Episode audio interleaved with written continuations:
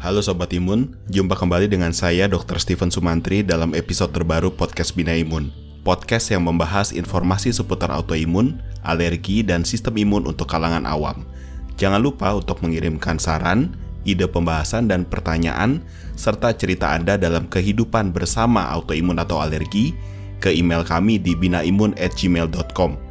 Pertanyaan yang masuk akan dijawab pada sesi bincang imun bersama dengan Tanya dan Erski Dita dari outofsight.id. Yuk sekarang kita masuk ke episode kita untuk minggu ini ya. Uh, semoga kita semua selalu berada dalam keadaan sehat ya. Nah, sobat imun, uh, hari ini saya mau berbicara mengenai sebuah topik yang sedang hangat dibicarakan di media sosial.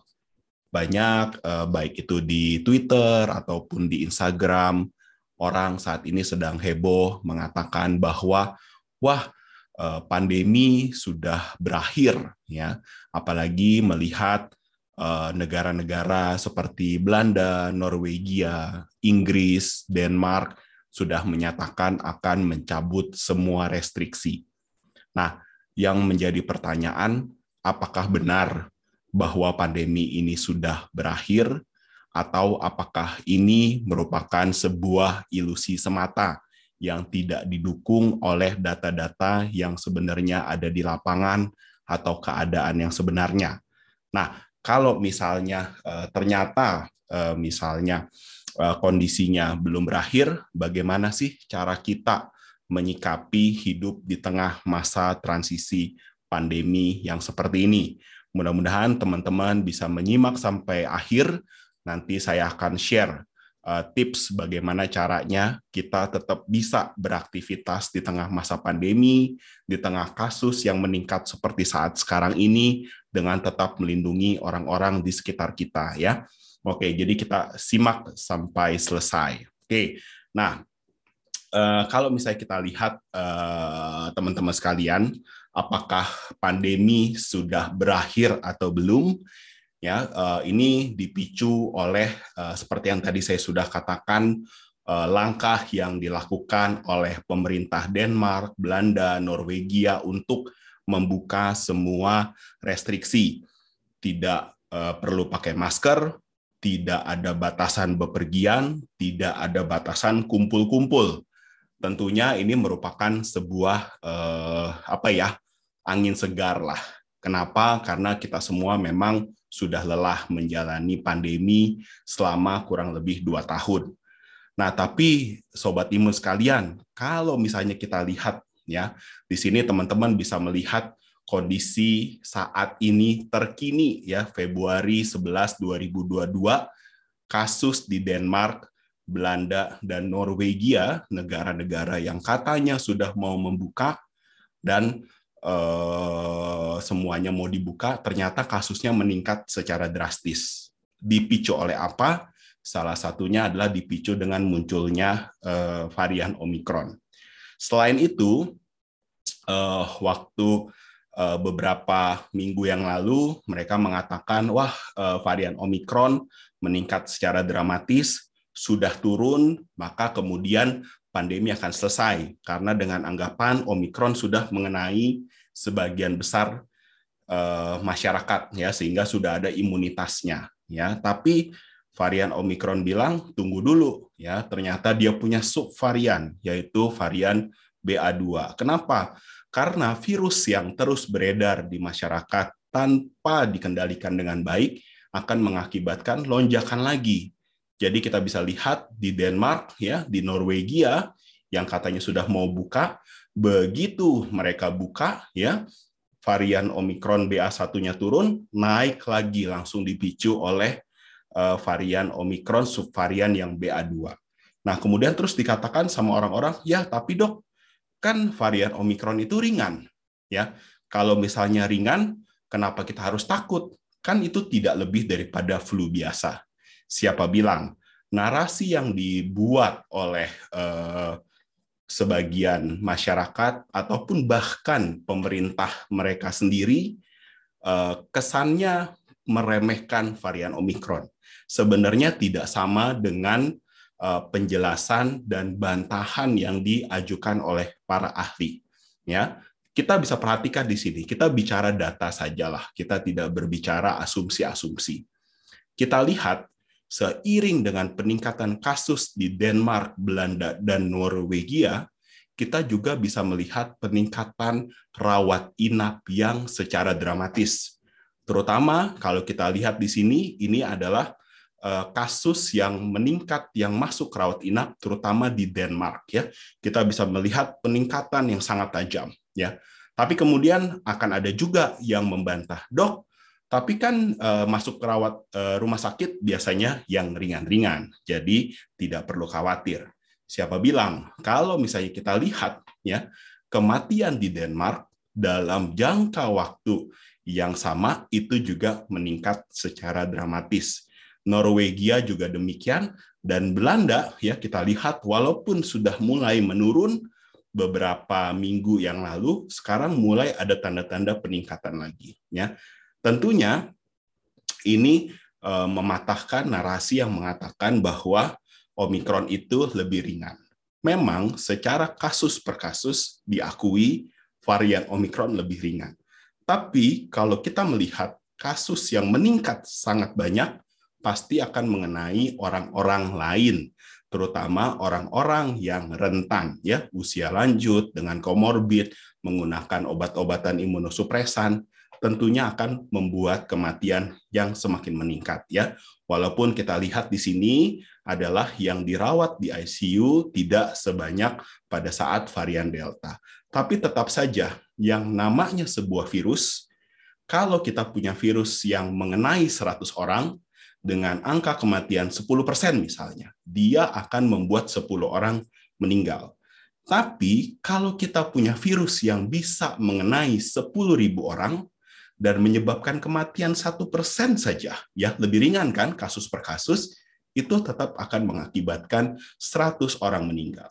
Sehingga secara absolut kasusnya meningkat demikian tinggi. ya. Nah, apa dampaknya yang paling kita takutkan kalau misalnya jumlah kasus meningkat secara dramatis?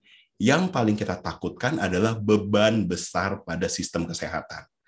Sobat imun bisa bayangkan, apa yang terjadi kalau misalnya rumah sakit bed itu di overrun atau dikuasai oleh penderita COVID.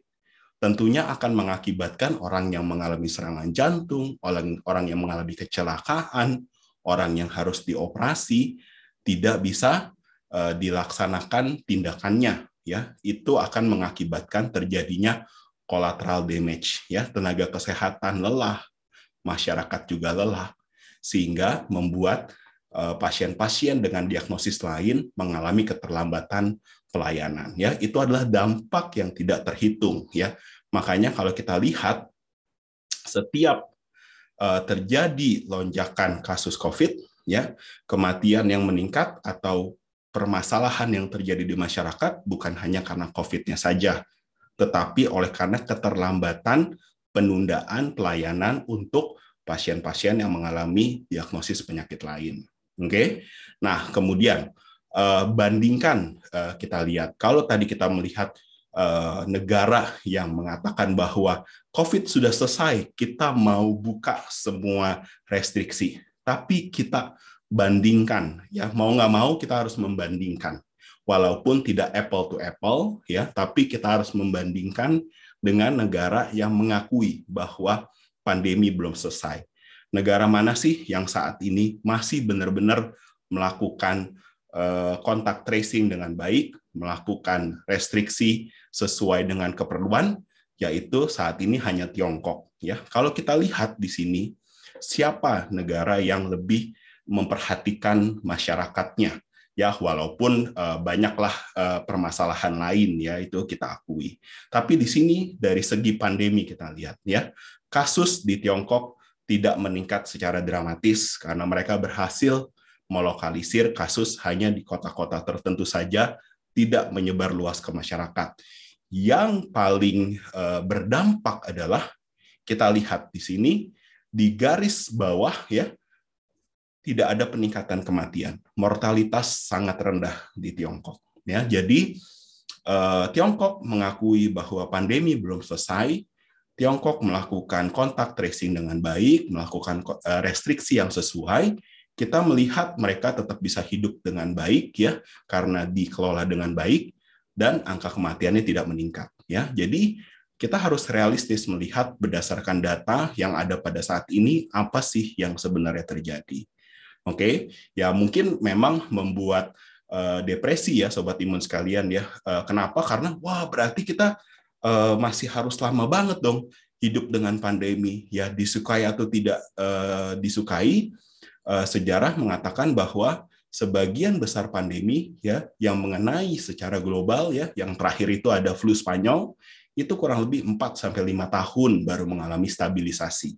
Itu adalah flu Spanyol. Bagaimana dengan COVID? Kita nggak tahu. Mudah-mudahan menjadi semakin cepat, tapi dengan dunia yang semakin terhubung, kelihatannya saya kok agak pesimis. Tapi kita tetap harus bisa melangkah. Nanti kita bahas bagaimana caranya kita bisa melangkah di masa pandemi, tetap bisa berinteraksi dengan baik ya.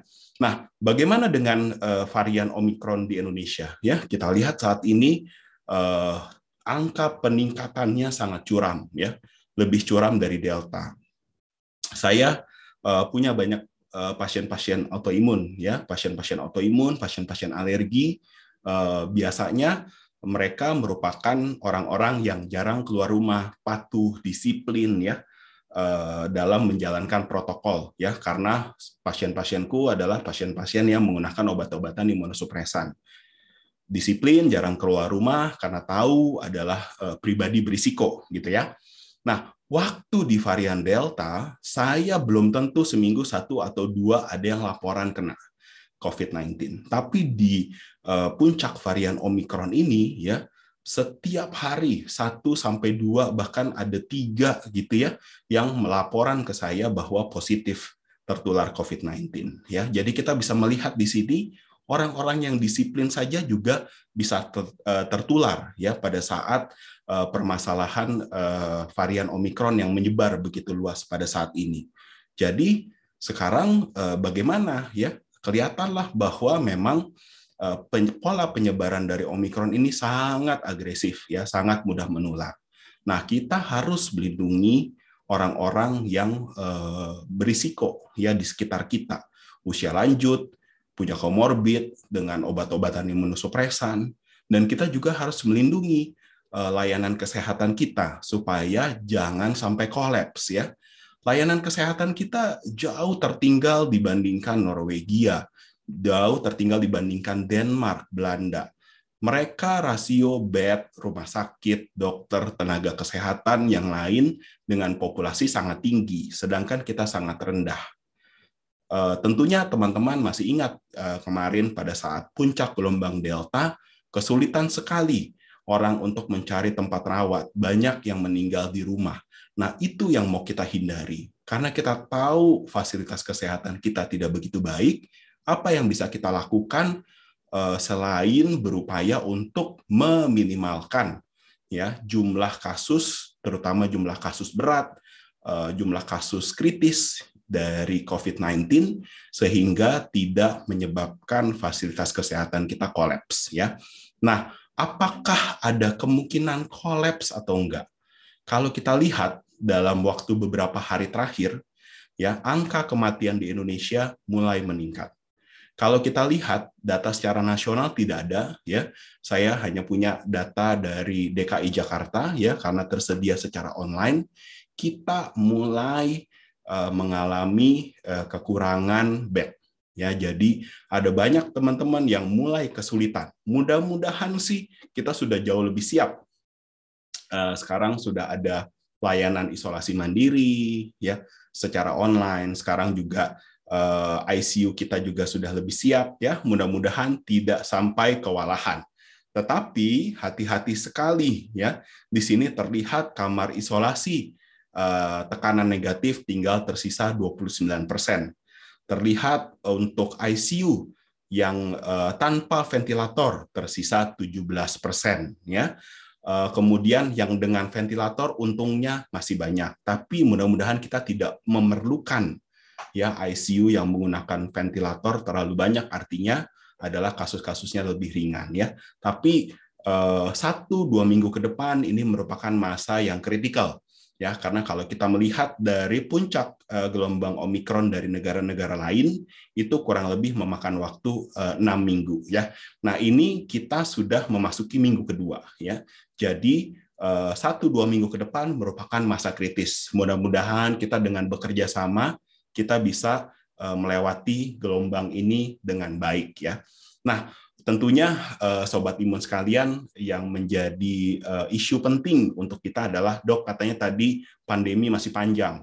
Udah dua tahun kita masih mau menjalani dua tahun tiga tahun lagi bagaimana? Kita sudah lelah kita sudah capek kita mau kerja kita mau kumpul bersama dengan keluarga. Apa sih yang bisa kita lakukan pada masa transisi ini? Ya saya menggunakan uh, beberapa perumpamaan. Yang pertama adalah uh, kita harus menggunakan perlindungan berlapis sama seperti tembok Cina ya uh, melindungi dari serangan bangsa Mongol dan melindungi dari uh, suku nomad dan lain sebagainya tembok pertama kita untuk melawan uh, SARS-CoV-2 dalam hal ini varian Omicron adalah dengan ventilasi, jaga jarak, mengurangi mobilitas, menghindari kerumunan dan cuci tangan. Yang paling penting adalah ventilasi.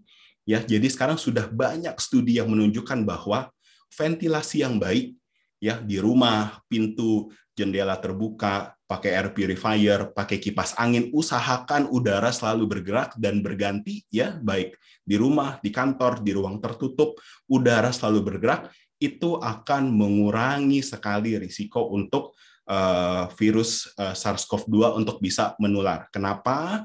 Karena virus SARS-CoV-2 itu tidak bertahan lama. Ya, dia memerlukan droplet, dia memerlukan aerosol untuk bisa uh, bertransmisi, untuk bisa menularkan. Sehingga kalau kita mempertahankan ventilasi dengan baik, maka itu sudah merupakan tembok pertama untuk mengurangi jumlah virus secara dramatis. Bagaimana tembok kedua?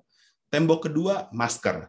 Ya, bahkan CDC pun yang paling anti masker di awal-awal pandemi belakangan ini sudah mengeluarkan hasil studi ya bahwa kalau penggunaan masker surgical bisa mengurangi risiko infeksi sampai 40-60 persen dan terutama adalah dengan menggunakan KN95, N95 atau KF94 kalau di dalam ruangan bisa lebih dari 80% mengurangi risiko infeksi.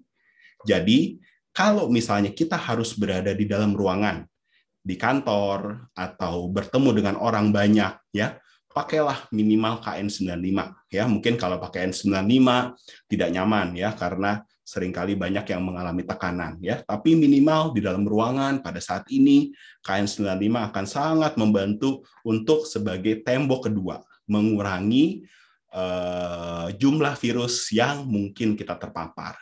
Nah, kalau sampai tembus bagaimana? Ya, kalau sampai tembus, di situlah tugasnya dari vaksinasi. Ya, vaksinasi tiga dosis terbukti mengembalikan imunitas kita untuk melawan uh, virus COVID varian Omicron sama seperti sebelum varian-varian yang lainnya. Jangan termakan isu bahwa vaksin tidak efektif. Vaksin efektif, tapi memang diakui setelah enam bulan antibodi kita mulai turun. Dan juga diakui varian Omicron berubah secara dramatis dibandingkan varian aslinya. Sehingga kita memerlukan peningkatan kembali antibodi dengan memberikan vaksin tiga dosis. Sudah terbukti mengurangi risiko infeksi dan juga mengurangi kejadian infeksi yang berat, kritis dan juga kematian ya. Selain itu sobat imun, kita juga perlu mempertahankan nutrisi kita dengan seimbang. Makan sayur-sayuran, buah-buahan, kurangi makanan-makanan yang tidak sehat, ya. Kemudian kita perbanyak minum, kita tidur yang cukup 7 sampai 9 jam, kita olahraga teratur, itu adalah cara untuk mempersiapkan sistem imun kita supaya bisa melawan infeksi dengan baik ya. Bukan dengan suplemen.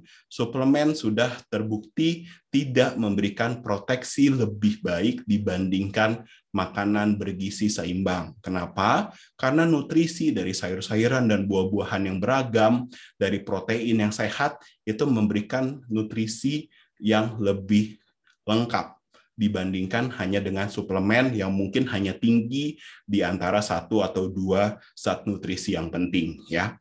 Oke. Kemudian eh, bagaimana cara kita bisa beraktivitas, berinteraksi eh, di tengah masa pandemi seperti ini ya.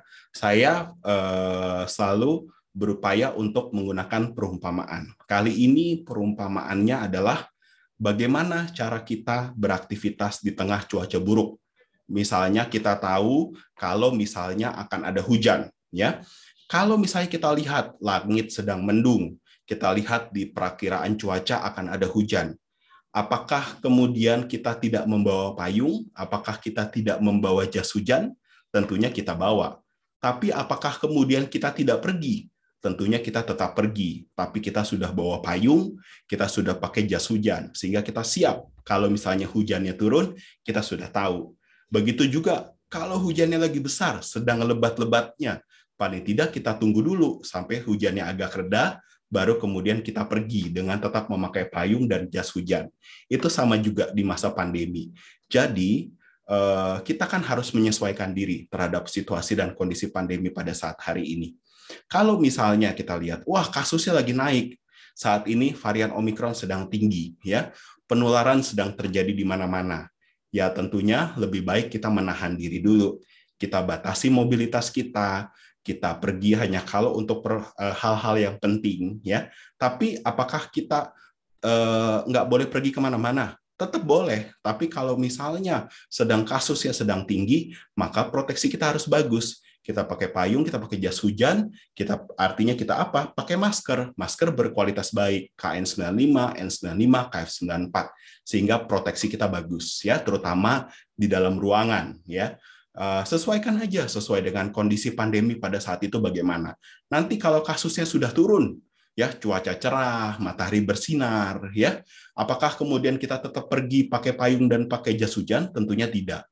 Apakah kita tetap pakai KN95, N95 dalam ruangan? Tentunya tidak. Kita bisa turunkan kalau kasusnya sedang turun, mungkin hanya pakai masker surgical saja, atau mungkin kalau kasusnya rendah sekali, dan kemudian tidak ada varian yang baru, Nah, mungkin di situ kita bisa dengan aman bertransisi hidup mirip-mirip seperti masa sebelum pandemi, walaupun tetap melihat perakiraan cuaca, tetap melihat kira-kira apakah ada potensi bahaya lain di depan atau tidak, gitu ya. Jadi pintar-pintarlah kita membaca cuaca pada saat hari itu, pintar-pintarlah kita membaca situasi dan kondisi pandemi pada saat hari ini, ya. Perhatikan juga sekali lagi ventilasi ya, usahakan ventilasi baik.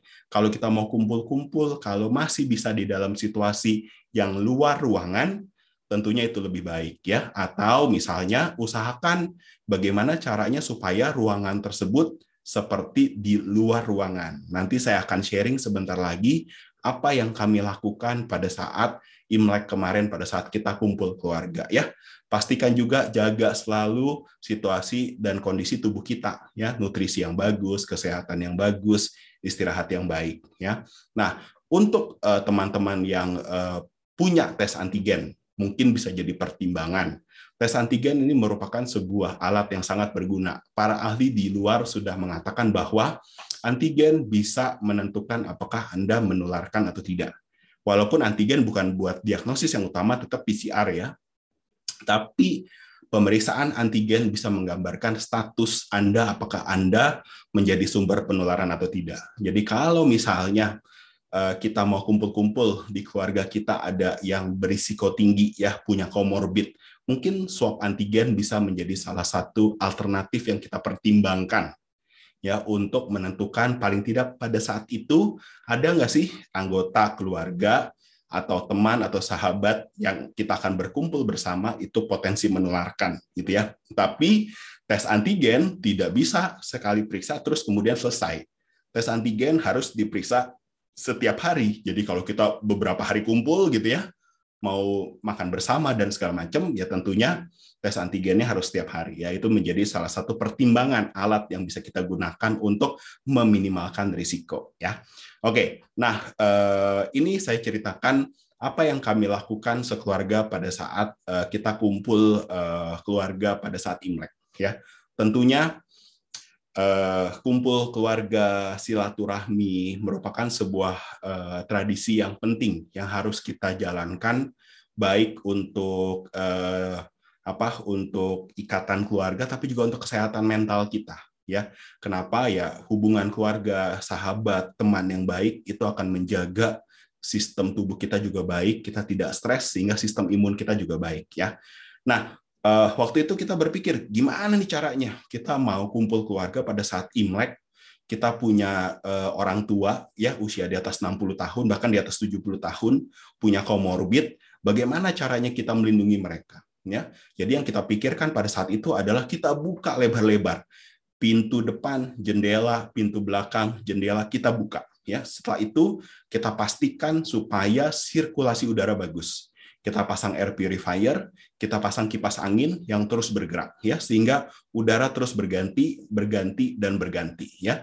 Dan kemudian eh, karena orang tua saya, eh, orang tua istri saya tidak bisa memakai masker ya, kita yang masih muda kita disiplin, kita pakai masker ya untuk menjaga supaya jangan sampai eh, orang tua kita itu tertular karena kita nggak tahu ya apakah kita membawa virus atau tidak ya. Nah, ternyata ya Eh, kita berasal dari empat rumah yang berbeda ya. Eh, satu uh, apa tiga orang dari Jabodetabek kemudian satu dari luar kota ya. Ternyata keluarga yang dari luar kota itu beberapa hari kemudian positif COVID. Satu keluarga positif COVID. Ayah ibu anak dan asisten rumah tangganya semuanya positif ya. Nah bisa dibayangkan bagaimana kalau misalnya kita tidak menyiapkan uh, sirkulasi udara, ventilasi yang baik dan kita disiplin dan kita tidak disiplin pakai masker, tentunya akan ketularan. Kita lihat di sini uh, untuk uh, varian Omikron ini ya hampir pasti kalau misalnya bersama lebih dari 15 menit tanpa masker itu akan ketularan ya. Nah, syukurnya puji Tuhan dengan protokol yang kita jalankan dengan baik ya. Walaupun satu keluarga yang dari luar kota itu semuanya positif tapi tiga keluarga lain dari tiga rumah yang berbeda tidak ada yang positif tidak ada yang tertular ya. Jadi di sini kita bisa lihat bahwa uh, dengan kita uh, menyiapkan situasi dan kondisi ya kita beradaptasilah sesuai dengan kondisi pandemi saat itu ya. Kita memperhatikan prinsip-prinsip kaidah ilmiah kita bisa uh, bertahan menjalani pandemi ini tetap uh, bisa berinteraksi dengan keluarga dengan baik ya. Jadi uh, kita harus pintar-pintar bagaimana cara kita bisa mengatasinya ya. Oke. Okay. Nah, sebagai penutup apa yang harus kita lakukan kalau saya positif COVID ya. Jadi di sini teman-teman bisa melihat bahwa dari Kementerian Kesehatan sudah menyiapkan layanan telemedicine bagi pasien yang uh, isolasi mandiri COVID-19. Ini untuk yang tanpa gejala atau infeksi ringan ya. Kalau infeksinya sedang berat, sudah ada sesak nafas, kondisinya rasa tidak enak, saya rasa segera ke IGD ya untuk bisa ditangani dengan baik.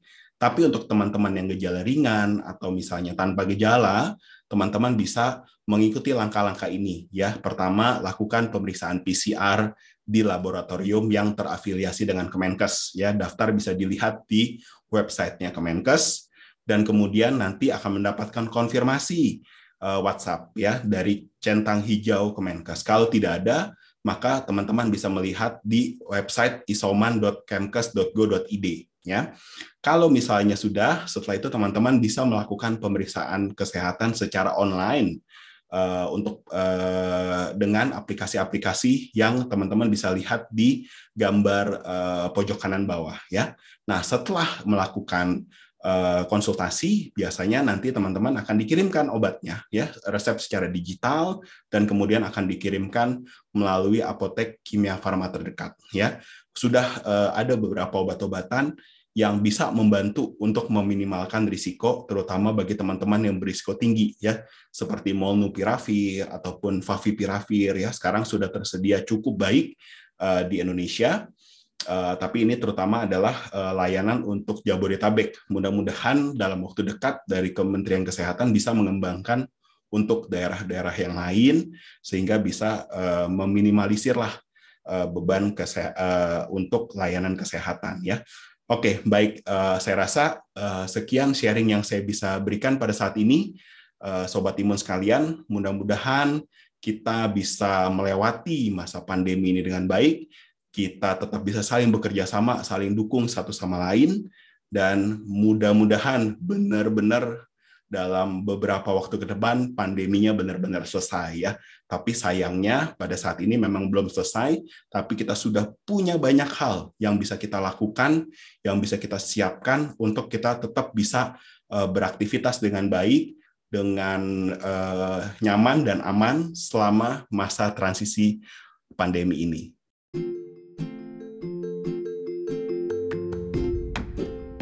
Baiklah Sobat Imun, sekian pembahasan kita untuk kali ini. Jangan lupa untuk memberikan rating dan share bila episode kali ini bermanfaat untuk kalian semua. Podcast Bina Imun dapat didengarkan di Spotify, Anchor, Google, dan Apple Podcast serta di mana pun Anda biasa mendengarkan podcast kesukaan Anda. Kunjungi juga website utama kami di www.dokterimun.id, follow akun Instagram dokterimun.id, dan Twitter di at dokterimun underscore ID untuk mendapatkan update terbaru seputar autoimunitas, alergi, dan sistem imun secara keseluruhan. Dokter Imun mohon undur diri dan sampai berjumpa kembali di episode podcast Bina Imun berikutnya. Salam sehat bermanfaat, tetap semangat.